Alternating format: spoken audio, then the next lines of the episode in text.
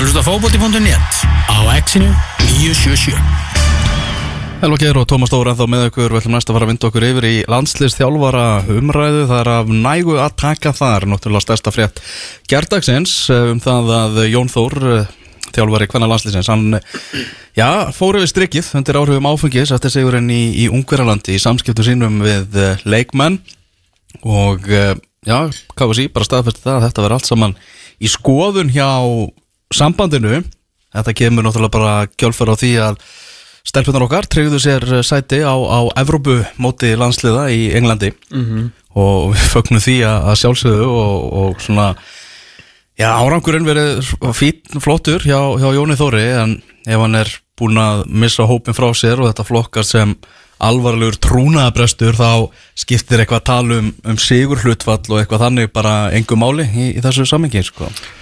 Nei, líka bara svolítið leðild að geta ekki tekið þeim með umræðina um hvað þær voru að gera og, og þetta sigur hlutfall því að hérna svona öll einhvern veginn umræðum liðið og framtíðina og verð er segla svolítið sett í hliðar út af þessu sem mjög, mjög leðilegt og er auðvitað hluti af, af afleðingunum af þessu af, hérna, af þessum púp hjá hjá, hjá Jónið Þóri sem er alltaf er, er mjög leðilegt því að það þarf að taka rosalega stóra og mikla umræður um hvað gerist núna næstu tvö árin. Ég held að ekkit landsliði sem er á leiðinu á Europamóti í Englandi árið 2022 hafi jafn gott á því að, að þessu hafi verið frestað því að við erum ennþá svolítið á eftir, veist, finnst mér og, og það þarf að veist, nýta þessi tvö óra þennan tíma sem við erum að fara í en það er því miður ekki umræða dagsins heldur það að þjálfarinn sem að er jú með þetta fína sigurhlutsvall þá þarf að margir leikinnir ekkit sérstakir og uh, úrslitin, jú, jú, jákvæð en, þessir 1-0 sýrar á þessum lélu liðum, þú veist einmitt, það sem maður, maður er svolítið að skoða til framtíðar með sóknarleik og hvað við ætlum að gera í fótboltanum inn á vellinum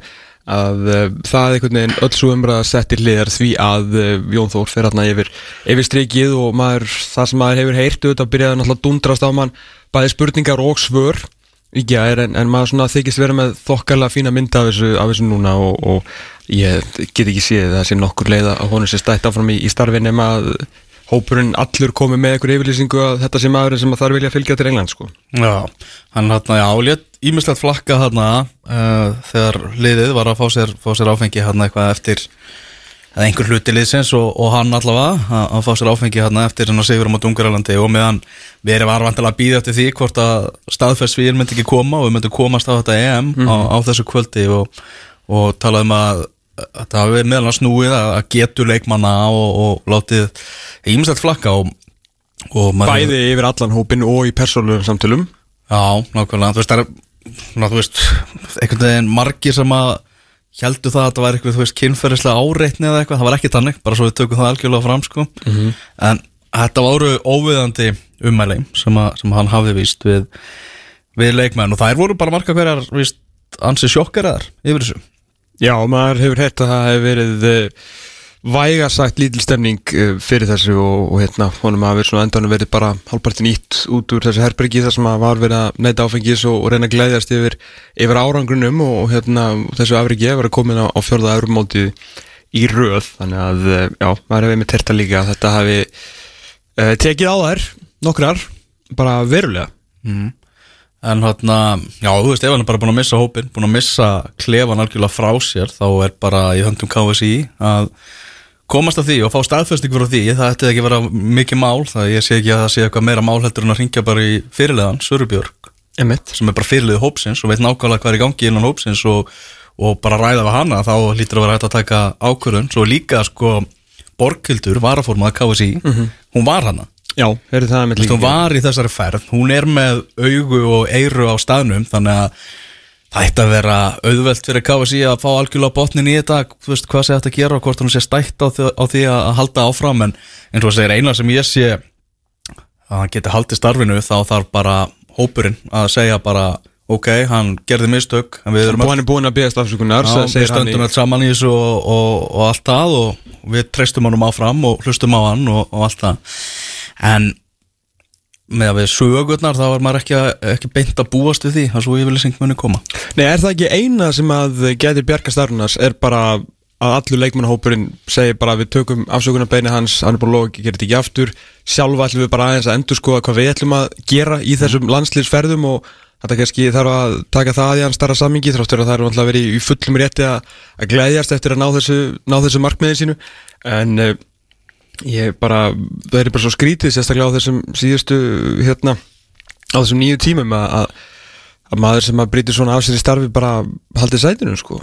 Já. og raun og verið kannski bara örlítið að einhver leiti meða við hvernig heimurinn er í dag og vantalega þá á einhverju betri leið að hann sé bara hennilega ekki búin að segja starfið svona lausu sko. Mm Sko, ge- getur spilað náttúrulega inn í að hann og leikmenn eru í heimkomu sótkví og verða þar fram yfir, fram yfir helgi eftir að ég koma að þannig að þú veist, það er ekki þetta að funda með þeim með fjögur augu sko. Nei, góða fundur þannig að það geti kannski svona tafið aðeins niðurstöðuna í, í þessu mál, máli Já, og mjög langt í næsta verkefni og hvað þá verkefni sem að uh, á að heita eitthvað þannig að kannski En þetta er samt svona eitthvað sem þarf ákvörðun Þeir vilja ekki láta þetta vera matla bara í einhverja daga sko, í, Nei, ég er ekki að tala um það, sko. vikur eða mánu, ég er bara að tala um að klára þess að sótkvís og þá bara funda og taka ykkur ákvörðun sko. Já, akkurat Þetta er- þetta þetta er- er náttúrulega hundleiðilegt mál og Já, bara alls ekki heldur veist, hérna, leðilegt er að gjörðir manna að hafa svona afdreyjaríkar afleðingar því að uh, það er líka alveg nóg að gera hjá knaspinu sambandinu uh, bara með allt sko, sjónvarsretturinn er núna laus, veist, er þú veist, ITF er að selja það, samt í KSI einhvern veginn að hjálpa þeim og kannski svona stærri umræða sem við tökum kannski, á næstu vikum. Uh, það vantar þjálfari í alanslið, það vantar þjálfari í undir 20 og Nei, 19 Já. uh, og kannski út þetta en ekki allansliði fatturu það er að koma, veist, það er að koma ársting peningamálur í, í fokki í Íslanda því við komumst ekki inn á þetta stormót fatturu, þú veist, það er, það er alveg nóg að gera það þurfti ekki að bæta vandamálum með einhverjum hérna yfirstriksförun eftir uh, neyslu áfengis í, í landslisferð sko. Ég kunna mjög vel við Jón Þór í, í starfi og að gott að vinna með honum sem fjölmjölamæður og allt það miður bara skiptir einhver máli sko. Núll máli. toppmaður Algjöru núll máli. Algjör verið bara þvílíku fagmaður í fram í, í fingu góma og, og náði þessu markvið, ekki dumspil bara beint á EM, alveg eins og viljum hafa það við erum bara vöna að fara á örmótið og, og náttúrulega ágætana að vera hægt með þetta lið og það sem við erum, minna, við fengum náttúrulega, við erum ekki betri en Svíþjóð, við erum betri en öll hinn liðin í rillum, þannig að þú veist, stelpunar kláruð þetta skilduverkefni og það eru spennandi tímar framundan með mjög, mjög efnilega og, og flotta leikmenn og svona eins og ég sagði á þannig að það er svona stór umræða sem við þurfum að fara að taka á og knaspundu sambandi líka með hvernig við ætlum að undirbúa þetta lið fyrir 2022 því að eins og staðan er eitthvað akkurat núna, þú veist, ef við varum að fara á Euromóti næsta sumar, þú veist, ég væri bara svolítið skelkaður, sko, verða alveg að viðkynna það, en ég er alveg mjög spenntari fyrir því að það séu tvö ári í þetta En það þarf náttúrulega líka bara að fara að finna mannin sem á að fara með þetta lið á Euromóti, hvað sem að það verði Jón Þór eftir einhverjar svakalega sveiflu, hérna, eftir einhverjar stefnubreitingu þá á næstu dögum eða einhvern annan mann. Ef ekki Jón Þór, hver það? Er, Það, það er ekki mitt að velja, sko. mm, er ekki fyrst að skrifa á mínum mati Elisabeth Gunnarsdóttir, heyri henni Er ekki, er ekki komið að henni? Það er alltaf búið að tala, hana, tala um hana við varandi landslið og... Ég bara held að eh, Elisabeth Gunnarsdóttir muni ekki þjálfa íslenska landslið uh, strax. Ekki strax Nei. Hún var alltaf að koma Kristjánstad í meistaradeildina Já, síst, á heldur ég held hún nú alltaf að fara með Kristjánstad í mestaradildina til að byrja með, sko. uh, hvort hún myndi vilja, nei, nei, ég held að sé ennþá, það eru ennþá, uh, myndi ég halda svona kannski, já, það er nokkur ár, nokkur ár. Það var eitt stórmót þangað til að hún tekur þessu Já, og kannski, kannski rúmlega, rúmlega það. Já, já Ekki út að getu, þú veist, það er, það er út að öru. Þannig að leitin að kalla landsliðs þjálfara Mm. Lars Lagerbakk náttúrulega fekk uh, sparkið í, frá, frá norska knastbyndarsambandinu núna í vikunni Nójarnir þorði ekki eins og að segja það, hann sagði það bara sjálfur. Já, akkurat Bara ég var rekin Já, litlega einn. Já, og samkvæmt skoðanakunnun á, á fórsöðu fótbolta.net eru 60% lesand af því að Lars Lagerbakk hefur verið efstur á blaði yfir uh, kandidata, bara fyrsti maður sem að káa sig á að reyna að fá í, í, í starfið og ég að kvísla því að mér lítill fugl að, að Lagerbakk væri alveg fálegur í viðræður sko. hann, var, Já. hann væri tilbúin að hlusta Ná svo var að SMS-unni frá Tuma í gær bara, bara jutti brá Ísland, sko. Já, nákvæmlega Sjáum hvað gerist og áfram Ísland. Já, ég hérna ég, ég hérna ég ég las þetta svolítið rám með hérna leikmennina því að ég og manns hvernig það var á EM þegar þeir voru svona aðeins farnir að í blá blaman og fundum svona skjóta á hvað, þú veist þetta var búið að vera rosalegur prósess með, með Lars Lagerbäck og bara öll þessi, þessi kultúrbreyting hans jæmt utanvallar sem innan með íslenska landslið. Það var alltaf sama, ekki gulspjöld ekki áfengi, ekki partí vera flottir, vera kurtisir skilju, þetta var hverjum einasta bladamann að fundið ykkur rétt ímynda hvað sagði þetta oftu þá. Já, sömu, sömu Já. æfingarnar, sömu drillurnar. Endurtekningar, endurtekningar, endurtekningar endurtekningar, endurtekningar. Og, en, og endurtekningar, svinnvirkaði Já. En man, ég var sérstaklega hugsa til hérna, viðtalsu Gilva þegar hann var á einu blagamannfundunum í, hérna, uh, í Ánsí held ég. Þar sem hann var að tala um uh, svona hvað þetta væri nú orðið svolítið þreytt skilur, hann sagði þetta í, í léttum tóni en við höfum aldrei heyrt þetta áður. Skilur, þeir voru orðnir sem þeir, þeir báður fullkomlega verðingu fyrir því sem þeir höfðu þurft að leggja á sig og þessum endurtekningum en auðvitað verður svona þreytt. Þannig ég held verði að viðkynna að hann væri kannski ekki efstur á blaði út af uh, Íslendingunum og náttúrulega gullkynnslóðun okkar er náttúrulega ráðandi í þessu íslenska landsliði. Þeir voru náttúrulega meðan hann og ég var bara ekkert viss um að þeir varu tilbúnir kannski í þetta aftur. En þar kannski vannmatt ég hversu ótrúlega ótrúlega vannmatt að minni hálfu af því að maður á nú að- að þekkja svona þessa karaktera kannski aðeins betur að síðan herri ég bara í gær að þeir að vera nú bara nú þegar búið að eh, svona koma skilabóð úr hæstu hæðum landslæsins bara inn á borð KSI um að ég vinsalast ringjaði mannin svo skot. Að þeir kannilega algjörlega tilbúinu til að fara aftur í þessar endurtegningar því að þeir vita að þetta er árangri og þessi gæði vilja bara ná árangri. Þannig ég byrst bara afsökunar á þessum heimskulega lestri mínum og þú veist, leikmenninir með það sem ég heyrði í gær vilja fá hann aftur. Ok. Og það, þá skiptir engu máli hvað mér finnst, þér finnst Jóa eða Sigga, ef að leikmennir vilja fá hann aftur og hann er í boði á einhverjum prís sem að hendar íslensku knaspinu hverju núna. Þá bara ráða mann. Svo er náttúrulega komin nýja strákar sem er að fara ja, Þetta verður nýtt fyrir þeim Þegar þeir fá, fá fyrirlestrana frá Lala Já, og ekki bara það, þeir eru líka með strákar sem að fara í gegnum allar prósin og þeir geta lært af gullkynnslónu meðan að Lalli er að lækja línundar þannig að, uh, þú veist Lalli og, Lalli og Freysi að þeir vil líka halda Freysa.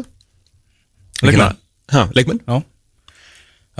Það var í, það var allan að það fer engin þekking úr hérna herbúum landslæsins með Lallu Freysa til dæmis sko. Að ég held að, ég veit, já þú veist Ég hugsaði fyrst sko kannski Lallu og Addi, ég veit ekki. Ég held fyrst að Lalli væri kannski ólíklega klári í þetta. Þú veist bara einhvern veginn hætta að snúa aftur en náttúrulega góðsögn og verður alltaf góðsögn í, á íslensku þjóðunni Mhm. kannski hætta að skemma það aðeins laska með endurkomu. Já, er þetta svona, ég við líka búin að hugsa þetta. Hug, heldur að hann hugsi svona? Ég veit það ekki þú veist, bara eitthvað hann er búin að vera í bransanum í 50 ár þú veist, hann hefur ekkert að sanna. Þú veist, hann langar bara kannski að leið bara vel hérna, hann er ennþá með uh, flesta af okkar bestu knæspunumönnum ungi leikmenn að koma upp og, og hérna, þú veist, við náttúrulega vorum bara eins og klappstýrir í kringum hann, þetta er mjög auðvelt af því að hann náður rosalega miklum árangri, ég veit ekki alltaf alveg hvað við hefum átt að segja eða gera en, en það er svo sem annar mál, það er svo sem aldrei verið sagt hvað við áttum að segja og gera, bara þú veist að við vorum klappstýrir í kringum hann og, og bara vorum með dúskana á lofti og höfum gaman að. Alla rulluðum okkur hérna í klasturhófnum allavega áttalúslunni EM, ég hef ekki ennþá séð neitt annan gera það en allt í lagi. Mm,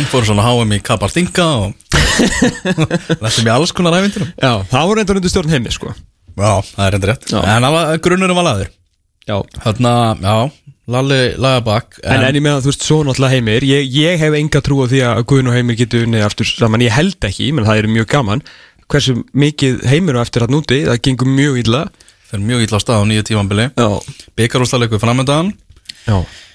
Enn eitt mikið byggarústaleikur að byggur um hana Já, já. En þú veist, ef að bara veðbanki Tom Er þið bara stopnaðir hérna núna á Söðurlandsbrautinni Já, Á, á þriðju ég er nýbúin að Annar í, íbúð maður, ég hef engan ekki efnum því að fara að setja ykkur kapital í ykkur veðbank. Já, bara nú er búið að leifa hérna veðmál. Uh, Hver er þið með lægsta stuðulinn í, í veðbanka Tom sem Það hefði breyst í gær morgun hefði Lars Lagerbæk verið á toppin eða þú veist á bot, botn toppin hvernig Já, svo vel segja já. þetta. Til að hann sé líklegastur í dag? 100% Ok mm -hmm. En, Ar og, Arna þú við á svona tvö? Já. Valli stökku upp fyrir þetta Já, já. Ok. Uh, Arna þú við á svona Ef að hann verður á þeim en var ekki auðveldra fyrir hann að vera aðstóðarþjálfari og yfirmaður knæspunnisins Aðstofa er þjálfari það ekki fínt skref fyrir hann? Aðstofa þjálfari Lalla? Já. Já, það er, það er spurning. Ef að Arna þú við á svona verður va- ráðinn aðalþjálfari sem hann vill, hann vill starfið eins og kom fram með þessu þetta já, já. Uh, Sækir hann þá ekki eðsmóra? Mæstir? Það finnst mér rosalega líklegt, jú Já, og þá geti FH þurft að skella sér í, í þjálfaraleit óvanda Já, þá er það sama eins og, og knaspunni samband Íslands mun fylgjast grant með gangi mála hjá Al-Arabi í, eh, í Katar að þá mun uh, fimmleika fyrir harnafjörðar þá mögulega líka þurfa að fylgjast grant með málið þar og reyna þá að ná í Frey Alessandarsson Já, freysa í, í krigan mm. Þetta er, þetta er all eins og það vantar svo marga landslýstilara núna hana miðfrá á- í laugadalinn og þú veist það verður það, það verður einhver kapall í þessu. Það hlýtur að vera. Það, það, það er alltaf mjög líklegt. Um, Rúna Kristins og, og Heimir Guðjóns. Er, eru þeir af borðinu? Nei, ég er bara búin að heyra það að Rúna sé bara ekkert eitthvað, sé bara hugsa maður að hluti sko, sé bara, ég meina hann hefur náttúrulega römmin og taugin hann sé á káver og það er nú kannski er þið erfitt fyrir Rúna Kristinsson að fara eitthvað stökka frá borði núna? Mm. Þannig að, um, og ég held bara að Já, nei, ég bara veit ekki hvort að að, sé að hugsa á hann sko. Nei. Hann ætlar að reyna að klára þetta í desember Gunni, mm. hann og þegar bara komin 5. desember, tíminn flýgur á hann sko Já, ég meina það er annar í aðvend á morgun sko. eða fyrir ekki annar sunnudagur í aðvend á morgun Já, nákvæmlega Þannig að það hlýtur En hver heldur að þú að sé líklegastur? Ég held að Ég ætla að setja Arnald Þú Viðarsson Efstan á, á minn veðbanka Mm. Þá er ég ég ekki að tala um uh, veist að það sé endilega það sem ég vil Nei uh, Hanna heldur einhvern veginn svona Arnar er bara einhvern veginn maður guðna. Já, ekki spurning. Já. En svo er þetta líka spurningu það Við glemum því ekki að við erum að fara í undankeppni uh, Fyrir uh, EM næst. HM HM, HM fyrir ekki. Það er svo ógeðslega erfitt að komast á HM sem náttúrulega gerir afreg uh, heimis Hallgrímssonar ennþá meira að vinna hennar riðil. Því að það er ekkit annarsætið eins og, eins og EM þar sem alltaf eru bara Evrópuþjóður á Evrópumóti eins og segir sér sjálft. Uh, þess vegna náttúrulega þurftu við þú veist, þetta er svolítið erfið, erfið pæling því að ég held að við myndum ég held að sé allir sammála um það að við myndum, það er meiri líkur með að við aldur og fyrir störf að við náum meiri árangri og betri með Lars Lagerbäck heldur en Arnóð Viðarsson. Þá er ég ekki að lasta Arnóð Viðarsson ég er að lofa Lars Lagerbäck því við höfum séð hvað hann hefur gert á sínum ferli og gerir bara með íslenska landslið en að Lars Lagerbäck er klálega dýrari heldur en Arnóð Viðarsson ég tala nú ekki um þegar hann er að fara að sinna tveimur störfum skilur það er hafkamisráning og örgulega bara mjög góð ráning. En ef við ætlum að reyna að bjarga fjárhag íslenska fótboltans bara á einu bretti þá þurfum við að komast á stormót annarkvort HM 2022 eða EM uh, 24 og þar koma stóru sælanir inn og Lars Lagerbäck hefur komið okkur á öðrum mót og læði þú veist grunninn að öllu þessu sem við, veist, læði líka grunninn að því sem að síðan varð HM fyrir undir stjórn Heimis Hallgrímssonar. Mm og þar kemur þú veist, þetta er svona soldið high risk, high reward fatturu, þú veist, þetta mun kosta meira. Eru félagin í landinu tilbúin til þess að fórna þessum auka 20 miljónar sem eru vantilega í það að ráða Lars Lagerbäck? Í þeirri já, von um að hér kemur kannski inn 1,5 miljardur á einu bretti? Eða viljum við bara, þú veist, taka svona aðeins hægsýnar ráningu sem að knastbundin sambandið þyrfti nú líklega að gera þessum tímbúndi með þjálfara sem var þá að sinna tveimur störfum og, eða, þú veist, og passa þá bara peningin eins og staðan er akkurat núna þrátt verið sé ekki til mi- mikið á honum ég held að þetta hljóti líka að vera umræða sem að sé í gangi en knastbundin sambandsins. Þráttur Arnar Þú Viðarsson sem að þú veist geggjaða pælingar og, og búin að þú veist vera fljótur að vinna sér til metorða hérna á, á KSI, búin að koma upp 21 á, á, á Evrópumótið og svona. Ég meina þá þyrti Guðni alveg að ef hann er ráðinn aðeins að útskýra það að maður með ekki stærra sífi taki allt innu við íslenska landsliðinu núna Já, ekki spurning. Mm -hmm. og hann er þá bara ráðinn á því sem að Guðni hefur séð og bara þessum hugmyndum hans sem fótbolta því að hann hefur ekki eitt ótæljandi ekki sömu klukkustundunum á, á æfingarsvæðinu eins og hérna, jú, vissulega sem aðstofar þjálfari, ekki spurning og þetta mjög fær, þannig að það virkar alltaf eins og við séum ekki að tala niður til Arnars ás viðar alls ekki, ég menna, við erum bara með hann í viðtælið um daginn og við erum miklir aðdáðandur hans sem, Afskaplega gaman að tala við hann og tala Já, svo nú líka, bara, líka og- það sem hann gerir já. þú veist, hann, hann nýtur mikil svona uh, mikil ánæði með hann í íslensku naspunni samfélagi og, og fólk vil alls ekki missa hann úr þessari, úr þessari stöðu. En, en það er alveg rétt að vera það þyrfti svolítið að útskýra af hverju hann er valinn frekar en einhver annar þjálfari sem hefur sótt um. Ég hef ekki búist við því að gagsæði verið það mikið þráttur og því að lofa á sínum tíma að við fáum okkar sjá umsækjandalistan skilju og kannski það er líka bara eitthvað persónu vendu okkur þannig. Uh, en já, það þurfti klálega að útskýra hversu vegna maður með ekki starra sífi er ráðinn sko. Vissulega búin að koma út 21 í, á eurumótið og það, það er vel gert en það er svolítið annað heldur en allaslið Já, nákvæmlega. Ef að, hérna hvað Víði Sigursson hefur að segja um þetta? Það held ég að sé ljómynding og hugmynd. Þetta er um bara bref, lítum bref núna. Uh, einn af okkar diggustu hlustundum maður sem er búin að hlusta held ég var alla á þettina uh, kongurinn í uh, fróstaskjólinu Magnús Óli Böðarsson. Búin að finna nafn á þetta fyrir mig, Tom Bett Tom Bat Já. Já, Það hendur að ákveðið spæling sko. Bara leiðu þetta leifilegt þá bara setjum við þetta á stað. Já. Eða ég flytt bara í eistrasaldið, þetta má þar sko. Nákvæmlega. Víði Sigursson, íþróttastjóri Morgunblæðsins er á línunni, sætla blessaða við Sæli drengir. Heyrðu, við erum búin að vera í landsliðs umræðu hérna landslið, leitina að, að nýjum landsliðstjálfara í, í kalla landsliðið hvað hérna hver, bara fyrst, hver er, hver er þín skoðun? Hvernig myndið þú vilja sjá, sjá KSI uh, lesa þetta Já, það er mjög áhugavert að, að rarsvinu okkar sé komin aftur inn í myndina og ég efa það ekki að ef að, ef að hann er í alvöru að, eh, svona tilliðanlegur að, að hérna, koma aftur til starfa hjá KSI, hvort sem að það væri sem aðal þjálfari landsliðsins eða, eða eitthvað svona mentor á bakvið næsta þjálfara eða eitthvað slíkt Mhm. þá, er, þá vitum við nákvæmlega hvað hann hefur komið og þið eru búin að ræða það náttúrulega hérna á síðustu mínútum Mhm. það þurfum ekki að taka það svo mikið en hérna uh, hann er að sjálfsögðu bara flottu kostur ef, að, ef hann er síðan, síðan hlýtur freyr að vera áfram inn í myndinni hvort sem það verið þá með næsta þjálfara eða, eða hugsanlega næsti þjálfari Hvernig, hvernig hugnast þér eh, svona tvöfald starf Arnars Þós, Þós Viðarssonar sem að Já, ég held að flesti vilja nú ekki missa úr starfi yfir maður snarspundis við og sjálfur er búin að lýsa því yfir að hann geti sinn báðum, báðum störfum. Hvernig, hvernig sló það þig eh, með allir þína reynslu þegar þú svona þá pælingar? Já, Arnar er alveg, alveg kostur ég held að síðan hins vegar eh, besti kostur en hann sé áfram í, í sínu starfi og, og með 21. slið hann er frábæra árangur þar fyrir mm -hmm. leiðinni á lokamót Um og ég myndi þetta ekki vera rétt að skrifið að hann kemi akkurat núna inn í annars lið en, en það er líka spurning hann getur verið það inn í, í stærra teimi eflaust Já, svona, það er bara eftir, eftir hvernig við stilla þessu upp og hvernig við hugsa þetta já, já. En svona, þeir hugnast alveg endurkomur svona í, þú nú með, með fleiri ára á bakinni heldur, en við, svona endur, endurkoma Lars Laðabæk, svona, ertu ekki, ekki trættu við hana? endurkomur eru alltaf hættulegar Já. Ég veit alveg hvaða væntingar eru gerða til, til manna sem að, að hérna, hafi hafður og, og, og eins og við nefndu áðan þá er, er náttúrulega Larsi halvpartin í guða tölu hérna Jú, jú. fyrir, fyrir, fyrir sín árangur og gríðarlega vinsæl. Mm Eh, Við fengum hérna í raun allt annan mann heldur en að sænski fjölmiðlar voru búin að lýsa svo fjárglega fyrir okkur á sínum tíma. Ég held Hann er bara íslendingur, hann er ekki sví með þér. Nei, við heldum að vera að fá eitthvað leiðilegan svíja og svo reyndist það stærsti miskilningur. Emmitt, emmitt Já, hann var alveg svakalega, svakalega flotturinn sko, en hvað Já, finnst þið? já, hann náttúrulega, kom eh, öllu landslýstarfinu á bara annað farveg Mhm. og, og, og breytti öllu vinnubráðum og, og kom við á þessa slóð sem að heimir fylgdi síðan og, og við þekkjum, þekkjum, þekkjum hvernig, hvernig gekk upp.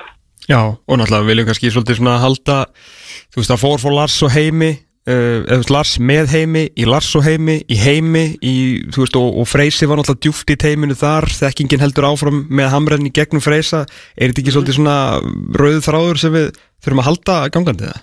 Jú, ég held það. Ég held að það sé bara mjög stærst að, að, að vera ekki að slíta það. Það er búin nást frábæra árangur eh, bara frá 2012. Mhm. Eh, Það er svona ákveðin tímamót núna búið að vera smá hyggst í hlutunum síðustu tvö árin en eh, sem, sem mátti bara að við búast við. Mhm. En uh, sko það er, það er bara svo mikilvægt að viðhalda reynslunni og þekkingunni og, og, og ekki, ekki fara að rífa allt upp með rótum og byrja upp á nýtt. Það, er, það meðum við ekki, ekki gera. Nei, það er allan að ljósta að fyrsti kablin í Íslenski knaspinu 2021 mun byrja einhvern veginn þannig X var ráðin nýr landslýstjálfari en talandi um það bókin 2020 er loksins ko- komin út, tók langan tíma að setja punktinn af þessu sinni.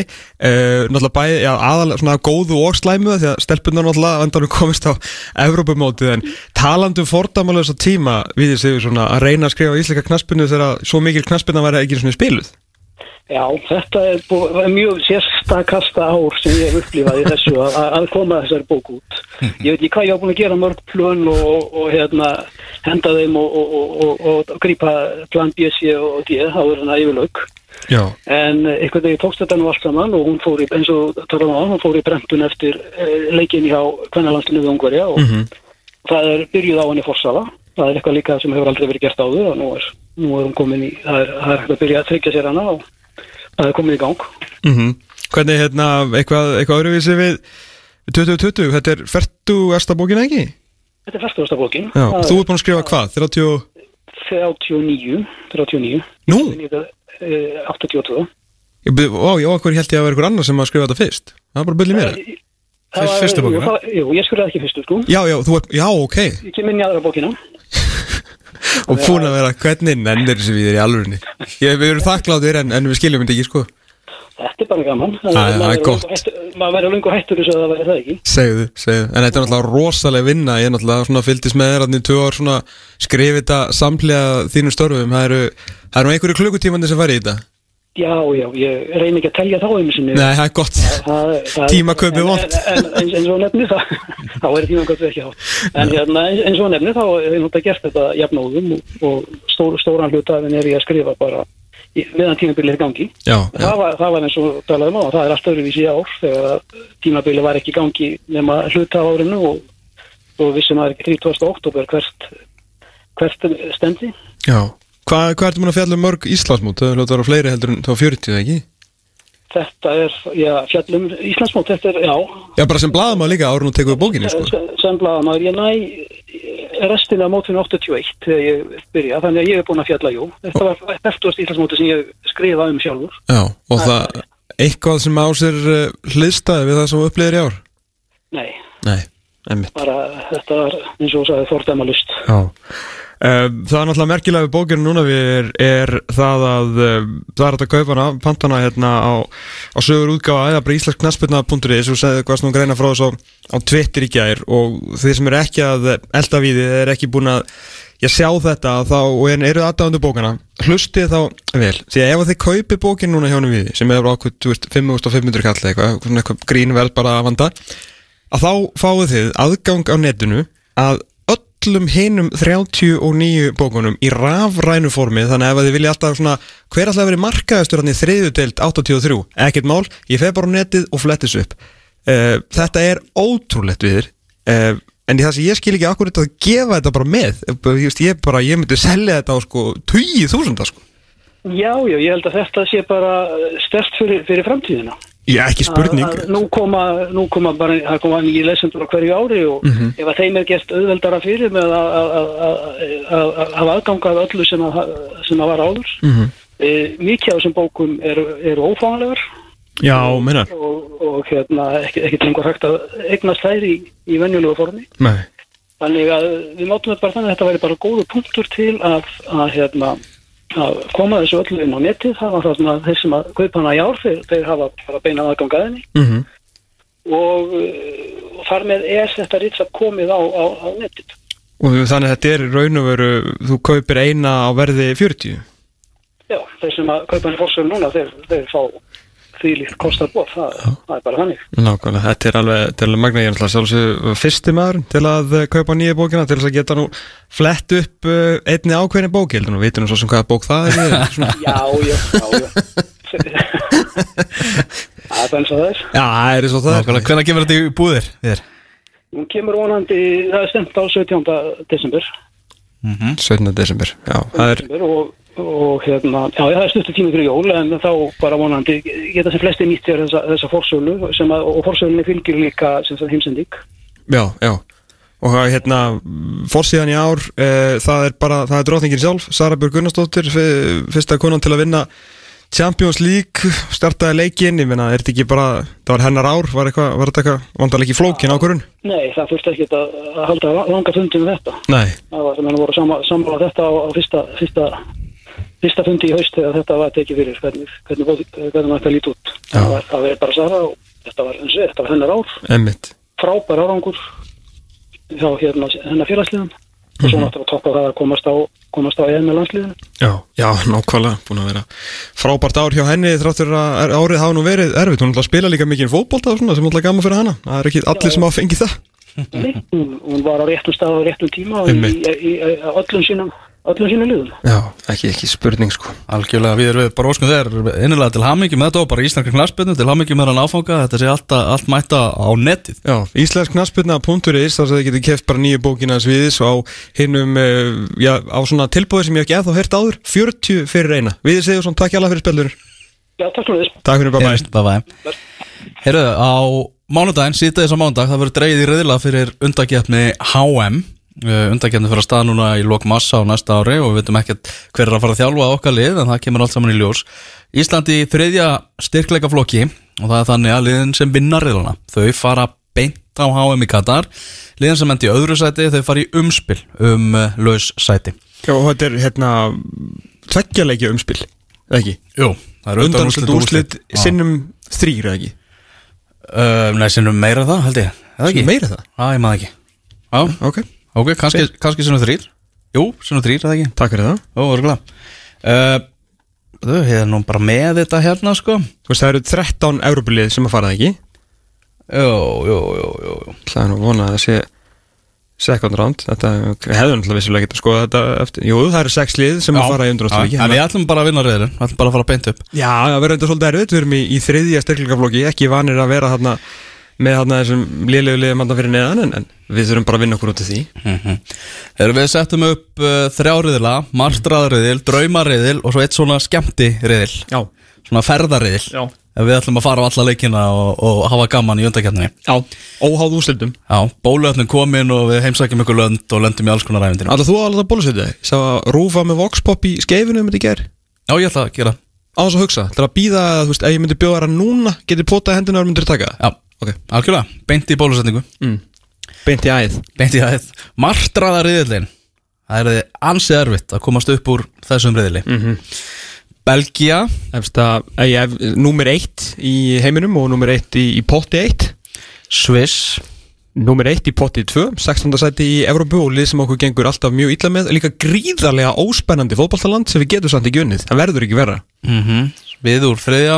Við erum í þriðja styrklegaflokki á Slovenia Úff, þeir eru góðum og svo Armenia. Þetta er þið algjör dauðariðil sko. Já, við viljum ekki og ekkert spennandi við hann, sko. ekki neitt. Nei, ekki neitt, herruðu, draumariðilin lið, riðil sem við sjáum svona físilegt að komast upp úr. Mm.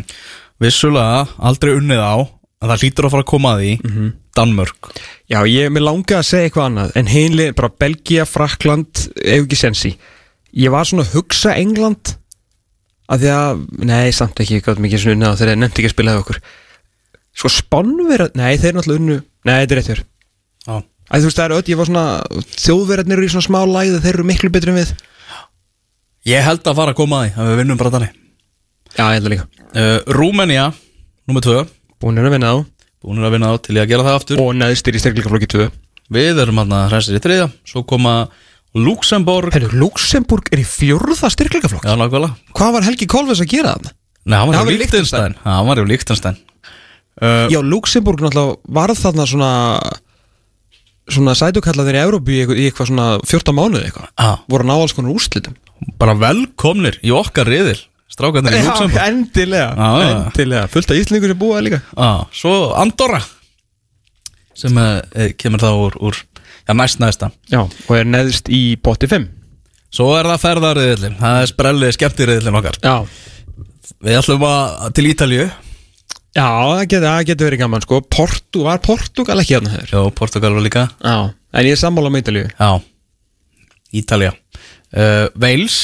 Já, frekar heldur en uh, Austuríki eða Tyrkland til dæmis já, hvað veist Landi Tyrklands, búinn að haka við Tyrkland og, og Wales, maður bara, veist, gaman að skoða kastalana Já, reyndar, reyndar.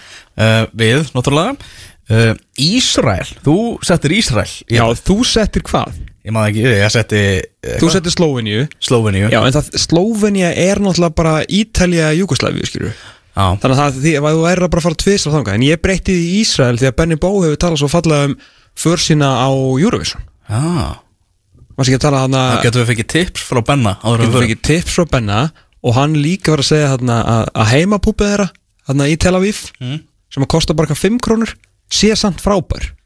Og það er náttúrulega hljómar eins og sko bara músík í okkar eirum Herri, ég tók hérna Eistland í, í reyðlun okkar, að sjálfsögðu. Já, náttúrulega gríðarur eistrasaltsmaður Ó, Ístrasaltið Ó, En til að halda því til haga þá hefðu við verið með færiðar að sjálfsögðu en við megum ekki verið með með reyðli út af náttúrulega stríðinu sem er yfirvóðandi á milli þjóðana já, e eða þá að við erum bæði hérna á norður heimskutu já, það er alltaf kallt á báðu löndum til að það sé hægt að taka áhættun á því að En nú eru þeir með gerfigras Já. Já, þeir náttúrulega geta bara að spila annað að réttu þér En það gengur ekki upp á snjóstormur kemur í veg fyrir það að við getum verið með færium í, reyðli Já, við vorum með fimmlega reyla hérna allstaðar Það verða eh, fimm sexlega reylar í næsta styrklingflokki erum Malta, Moldova, Liechtenstein, Gibraltar og San Marino.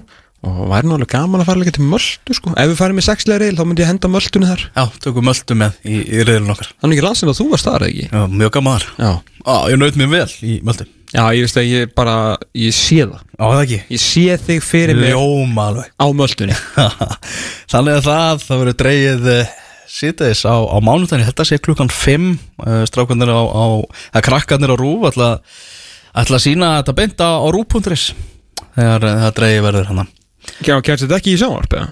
Já, það er mikið að þarna, er ekki EM Kvenna í handbólta og eitthvað? Nó, nó ekki. Það er á öllum brásum hjá þeim og svona En við ætlum uh, hér eftir augnablík að fara í áhugaverða umræði, mjög svo. Þannig að býðið við viðtækin Þú ert að hlusta á fótbolti.net á exinu 977 Síðustu 20 af uh, fótbolti.net þennan uh, laugardaginn að þetta í gang og það var uh, mjög áhugaverð og stóra fréttir sem að já, komu í dagsljósið núna í vikunni þegar að komi ljós að knastbundinsambandið á Englandi væri búið að uh, búið til reglur uh, eftir að uh, já, núna breytandar ganga út úr Európa-sambandinu sem að segja til um það að ennsk félög mega ekki lengur ná í leikmenn sem eru undir 18 ára gamlir. Og þetta hefur náttúrulega verið ein helsta ástæða þess að englendingar hafa verið já, ansi já, stórir að bara í Evrópu þar sem að þeir hafa geta hyrt unga leikmenn af uh, hinum félagunum, af félagunum í Evrópu.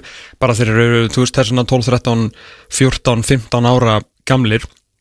Og þannig hafa þeir svona já, eins og uh, minn maður Víkinni segir, dominara, svolítið svona krakka félagskiptamarkaðin því að þeir hafa geta bóðið uh, góða laun og allt það. Og á línunni er uh, okkar stærsti umbóðsmaður Magnús Agnar Magnússon, hell og sælvinur Herðu, þú ætlar aðeins að uh, segja okkur meira frá þessum reglum sem að uh, en, enskir voru að setja með já, þessi félagskipti undir, undir 18 ára leikmönnum eftir að þeir eru að ganga út úr uh, Europasambandinu, Brexit og Brexit og allt það. Svona kannski rétt á hann koma að áhrifunum sem þetta mun hafa kannski á íslenska leikmenn er, er að fara að vera bara svolítið valdaskipti í uh, svona krakka félagskiptamarkanum í Evrópu þegar það búið að taka þetta vopn af einlendingunum Já, það gefur alltaf leið að það verður miklu erfira fyrir það að sækja uh, bestu leikmenn utan uh, utan hérna Breitlandsega mm.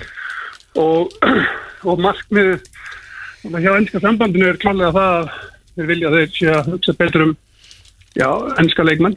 Um, sína eigin og uh, þeir fóðu meiri tækifæri, fleiri tækifæri og, og hérna og líka það sko ekki bara það að þeir geta ekki sæna eða fengi leikmenn fyrir að verða 18 ára það geta þeir bara held ég á sex leikmenn undir 21 ás uh, á hverju ári þrýr í hverjum glugga sem hvert lið má sæna til sín undir 21 ás þannig að enga undir 18 og bara þrjá og þrjá ut, milli 18 og 21 Já.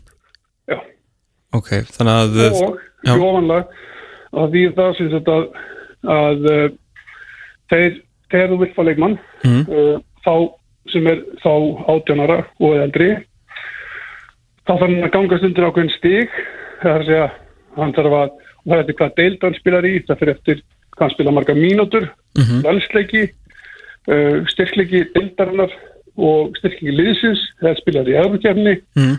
Uh, spilar hversu startu landsliði hefur að spila lókikeppni með landsliðinu uh, bæði yngri og aðal. Uh, þannig að svona það er svona kriterjur og þú þarf að fá 15 stig af þessu. Og svo ef þú farð núni í januar, ef þú farð 10 stig eða meira þá getur þú að pílað og þá farð það til svona nefndar sem skoðar það hvort að hann er rétt á því að fá að spila í Englandi. Mhm. uh, eftir það þá var það bara leikum sem verið með 12-14 stig sem sem frá með uh, næsta sumri og það þýðir alltaf það að sko kannski rosalega góður fótballtamaður hjá Renn uh, í Fraklandi sem, sem er þar en hann hefur ekki spilað kannski landsleik við Frakland mm. -hmm. uh, við ráttunar hann á enga líkur að komast til Englands meina Daniel Leo Gretarsson hef- geta ekki skipt í januar Hefði hefði ekki getað skipt? Já Hvað, þú veist, hver, hver er pælingi með þessu? Já, bara vantalega svolítið eins og ég meina, það er mismyndi leiðir aðeins í Rúslandi, þá máttu bara hafa, hvað, sex, nei, átta erlenda leikmenn á þér, Já, þetta sex með spili hver, hver skipti.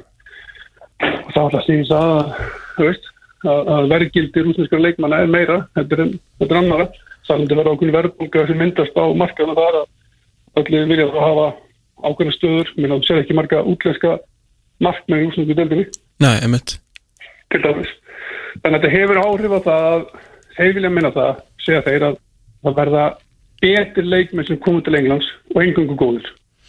og, og bara yngri, eh, yngri U18 ára lið á Englandi að það bara mun ekki sjást í U18 deildunum þá erlendur leikmaður nema hann sé nú þar, nú þegar sko, komin löngu fluttir eða? Já, sko, auðvitað verða alltaf, eins og ef að, ef að hérna, þú, þú myndir að vinna hjá Amazon í Englandi og, og hérna, svona var bara öðnulegur og þú veist, það getur ekki neitt að hann sem fólkvöldaðar, skilur, og Nei. þá er það flytja öðrum ástæðum heldur en að svona er góður fólkvöldaðar. Já, þannig að þetta, svona þessi leikur verður alveg ennþá til að bara heilu fjölskyldunar verður bara fluttar búferlum og reynda að fá þú veist vinnulegi fyrir mamman og pappuna mamman og pappuna, mamman og pappan og Meina? Já, ég segi það, að það, það, það getur haldið áfram Já, já, ég meina, það hefur alltaf verið og mjög alltaf verið áfram. Já, ok, ok, ok En, en það er samt sem er rosalega flókið og ekki einfalt. Nei. En ég menna að þú veist, þá, þá er gaurið líka exception og þegar liður er tilbúin að setja í þá, þá peninga. einmitt, einmitt Þannig að þú veist, það mun hafa þau áhrif, held ég, er að það mun ekki hafa neitt fókuslega áhrif á okkur íslinga. Nei, Bara tölur held ég bara engin, þannig séð. Nei. En það hefur kannski áhrif á þýli til að, að uh, hérna áður fyrr þegar þessi leikmenn þurftu að fá atvinnulefi í Englandi, þá vorum við með tölvöld marga íslinga í ennskúrastundinni sem á norsku, norski leikmenn. Já. Við sjá það aftur að, að þá munum við þetta góðsa því að þú ert langsleismadur í minni þjóð. Það reyndi fellur undir karteriðin að þú getur fengið leiðutalspilar. En þessi strákar sem við höfum verið að senda í, í Akademíuna og um, nú stíðast hérna selfisingurinn ungi hjá, hjá Fulham uh, Jón Dagur fyrir ekki löngu síðan Gilvi, bara allir þessi strákar sem hafa farið 14-15 ára, þú veist, hérna í, í, í kipum til redding og svona, er, er það búið? Já. Ok, Það þýðir það að, að evrósku liðin Mm. geta áfram sæna leik með 16 ára. já, uh, og það munum vantilega hafa þau þarf fyrir með sér líka að maður sem getur ímynda sér það að önskulegin hafa kannski verið drifkrafturinn í fjármagni og transferfíum uh, sem þýðir það kannski að, að hérna, það mun lækka eitthvað og minka af því að þetta hefur áhrif allir liðin að ef að þeir eru ekki að nota penningan sína. Um, en ég segi ég, ég get ekki ég sé þetta ekki hafa neitt stórkvæslega áhrif á fyrir okkur um, heilt yfir. Nei, ég meina og þannig að við, það er ekki það margir strákar sem hafa verið að fara til Englands uh, undan var missi þótt alltaf að fara alltaf einn og einn og já. En þú veist Umræðan fók kannski, fók kannski beint í Ísak Bergman sem er náttúrulega verið orðaði bæði við Liverpool og, og Manchester United. Uh, ég meina, veist, hann verður 18 ára í, í, í mars, þannig að þú veist, það væri hvort sem er aldrei að ef að fáum ykkur svo, svo stóra frettir, hvort sem er verið þau ykkur önnur ennskli að, að hérna, hann er þá orðin 18 ára í, í mars, þannig að hann kemst alltaf næsta sumar, eða ekki? Nei, þá, þá kemur í stigakerfið eða eitthvað þá, þá er það stegakrið Já. og, og hérna. En uh, ég svona, eftir fyrstu sín þá tel ég að hann myndi hann myndi slepp ekki nála, nála ræða Já, ok, þannig að út af bara búin að spila fyrir Nörsjöping og yngirlandsliðið og svona. Já, alltaf mikill fjöldi leikja uh, með aðliði uh, þáttur ungan aldur og svo er styrkleika deildarinnar. Og svo til dæmis myndi það hann sko með þegar spila loka keppni um 17 sem hann spilaði með þá fara hann hluti sjöstig til þess bara fyrir það. Þannig að Tilur fyrsti alhansleikurinn, eitthvað?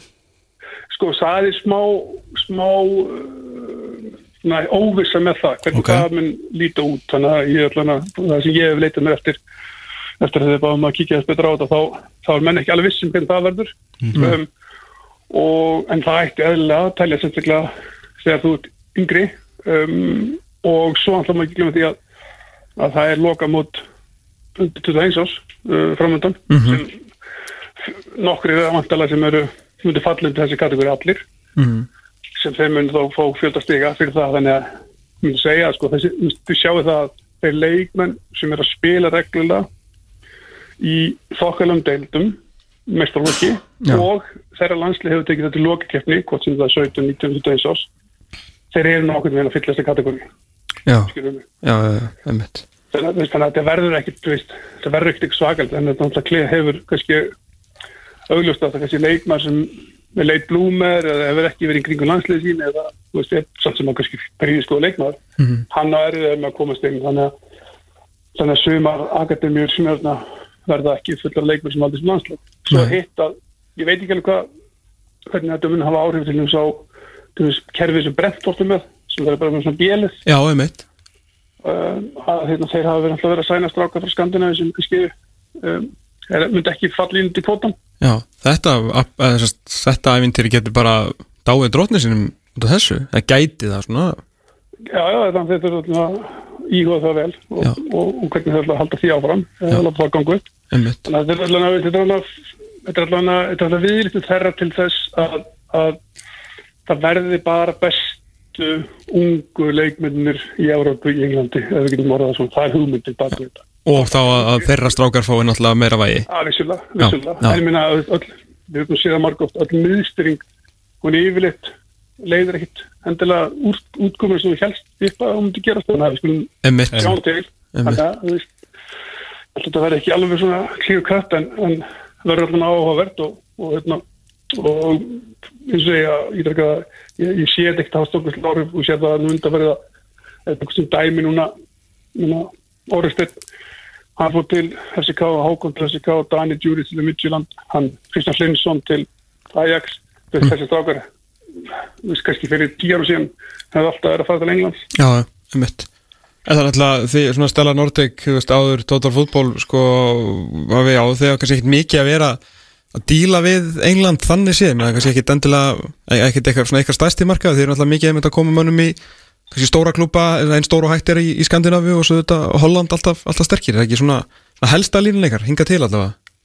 Jú, ég meina auðvitað er svona organísferli, ég meina hvað er síðan mest áhuga á hverju hafa Jú, jú, vissulega. en, en, en, en, en vissulega er það þannig að meina það er, það er ekki margir strákar sem fljúi gegnum þessu stóra akademur Nei. í Englandi og, og þá velti fyrir okkur hvort það væri ykkur aðra leið sem er spennandi, og áhugaverðari og, og þú veist, auðvitað vel dokumentur leiðin hjá Ísaki Bergmann og mörg stórlið sem þú segði að ég var í þroskaheftur að að sleppa hann og þonga um, og þú veist, voru margt un- undrandi augu á því sko og, og hérna, sem ég skil alveg þegar þú kannski sérði ekki alveg pælinguna bak við það en ég held að menn sjá það svo sem í dag en svo Jú, er jú. líka sami svo með, með Orrastein sem fer í FCK fullt, fullt af þórulega svona eftir honum. Og svo var hann bara veist, spila með 17-arlið í FCK sko, sem veist, ekstra krefindi fyrir hann sem sástæð en svo var hann veist, var bara að spila sinna annan leik í dag með undir 19-arlið FCK á móti OBO-insi sem eru nú mistarar í Já, fyrra, já. 19 ára og hann er búinn að skora tvö. Svo staðan er nú þannig að það er hann komið fjögum ekki tveimur leikjum þannig að það gerð svo frætt ég meina nú erum við sjá nýja fjálfari af sig á og þá allt er bara að reyta og þá eru konið í apríl og allt er hann kannski hann með spila aðlæsleik, það veit maður? Já, þetta er náttúrulega Rómin hlýtur af, sko, hún fleitir alltaf á toppina á endanum það, veist, þetta er náttúrulega bara með góða leikmann þá spila hann fótboltar ekki, ekki þetta er sérstaklega flókin fræði, sko. Nei, þetta er ofta að ef þú stundur vel þá spilar þau og stundur illa þá spilar ekki. Já. Hvernig bara svona aðeins í lókin uh, með, með Ísak Bergman, er þetta svona eru margir tölubóstar á, á, á dag, þú veist, er, er komin ykkur lína hjá ykkur sem að, svona í kringum hann með hvað á að gera næst, eða er bara að vera að skoða pósta og tilbóð og svona? 2020 sko, að við erum ekkert um tölvupolsi sko. Nú, Það er alltaf á WhatsApp bara, það er ég- Nei, hérna það er, jú, jú, það er klart mála eins og þú sér sjálfur í fjölum það eru mjög mörg, mörg lið sem eru áhugasum og, og hérna hversu mikið þessu satt? Um, það, er, það er óbúslega mikið búið að vera veist, alveg svo var með Arnur Sig hérna um tíma þegar hann skora fjölminna búið alveg til sögur sem hafa enga stóður umverleikunum Já, sumt að þessu satt, sumt að þessu uppspilli um, heilt yfir þá get ég sagt að betri liðin í Európu sem hafa áhuga á að nota unga leiklun hafa áhuga. Ok, ok. Skilur mig, þannig að þú veist þú, þú veist svo sem, þú fylgir það vel með þú veist alveg hvaða lið það eru og Jú, jú. Dortmund hefur áhuga á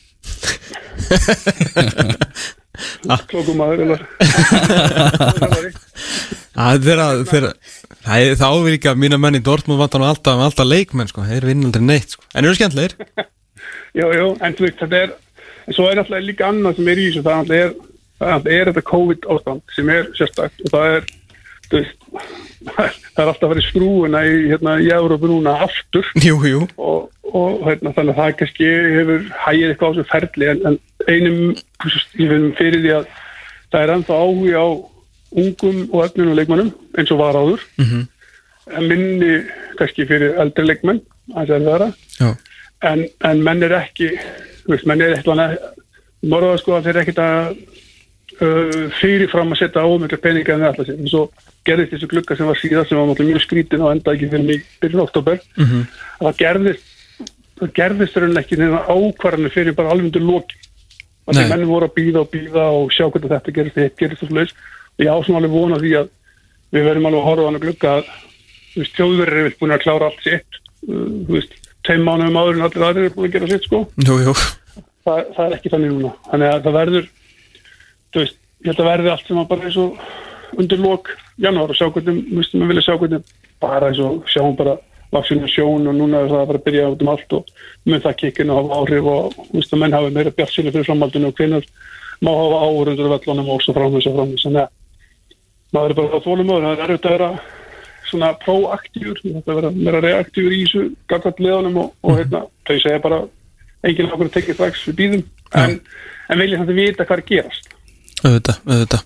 Magnús Agnar Magnússon, umbúst Maður Stellar Nordic, takk kjalla fyrir að taka síman Kunnum að með þetta, hrigalega gaman að tala við hennur eru svona bæ Bye. Bye bye, bye, bye. Ég skal segja ykkur það, heyrðu, það er eitt eitt hjá Burnley og Everton í boltanum, í anska boltanum Dónum- Dominic Calvert-Lewin held upp á það að vera í liði fyrsta fjórðungs hjá Kristján Alla hérna með því að jafna metin í 1-1, 67 mínútur á klukkunni Manchester City Fulham með leikur klukkan 3, Manchester United að fara heimsækja að vestam klukkan 17.30 Og svo heima með Elvari, klukkan Það var 19.30 partíð 1930 Partíleikur. maður. Chelsea Leeds. Sko- Sko líku lauga Ef þið ætlaði að horfa á bakkalút Þá getið þið bara skipt um stöð sko. Herru, einmitt, sko, bara benda á eitt. Baggalúður, Ah. hann er alveg af góður klukkan 10 á vottinu eins og klukkan þú veist, 19.45 Betri klukkan 10 Hann er be- Það er rétt. Eftir Chelsea Leeds Já. Miklu betri. Þá ertu líka að, þú veist, kannski það er laugardagur Þú ert heima, jólabjórn er á fónunum Þú farið kannski 1, 2, kannski 3 Yfir Chelsea Leeds. Þú veist, Chelsea Leeds gerist bara á milli 8 og 10 Nákvæmlega. Hann er ekki á milli 10 og 12 Eða 6 og 8 Hann er bara þarna. Og hugsaður, ég sett á Twitter og paldi að fólk hefði verið að horfa á Baggalund 28. janúar 2003 og mista hjólustarspillinu hjá Eismála Þú veist, ætlaði að missa af því þegar Patrik Bamford skora með hjólustarspillinu frá miðju? Þú veist, ætlaði að missa þessu? Ætlaði að gera það? Nei, það ég ekki heldur. Heim með Elvari frá klukkan 19.30 og svo takk ég bakkar bara hvernig sem er, menn skiptir engum máli, þeir eru bara til á vótinu sko. Nákvæmlega Norður Lundunarslagurinn á morgun Tottenham á móti Arsenal Og englandsmeistararnir Það var keppa á móti Úlfónum Já, svakalegu dagur á, á morgun maður, Vá. Tottenham Arsenal og, og Liverpool Wolves. Herru, ég held að þessi þáttur sé á endarunnin þennan laugardaginn. Við byrjuðum á klukkutíma ennsku ringborðið með Kristján Alla sem að eh, valdi vonbreiðalið og úrvalslið fyrsta fjórðung sem töluðum um eh, allt á melli heims og games í ennska boltanum. Síðan var Við Sigursson hérna á línni og við vorum að ræða um landsliðstjálfara stöðunar. Hann er að sjálfsögðu spendur fyrir Lars Lagerbeck og vorum að enda á eh, honum akka umbásmanni hjá Stellar Nordic, Ísak Bergmann, hann er eftir sóttur svo um munar og englendingar eru heldur betur að breyta í að félagskepta kerfinu sínu fyrir unga menn. Já, Dortmund vil fá Ísak Bergman Það var komið Já, ljós. það var raun og veru fyrirsök dagsins. Kannski kemur ekkert mikið óvart þeir elska unga stráka. Herðum, eitt eitt eins og segir Burnley Everton búið hjá okkur þennan lögudaginn verðum við náttur eftir 6 dag og 22 tíma. Þannig til, verið sæl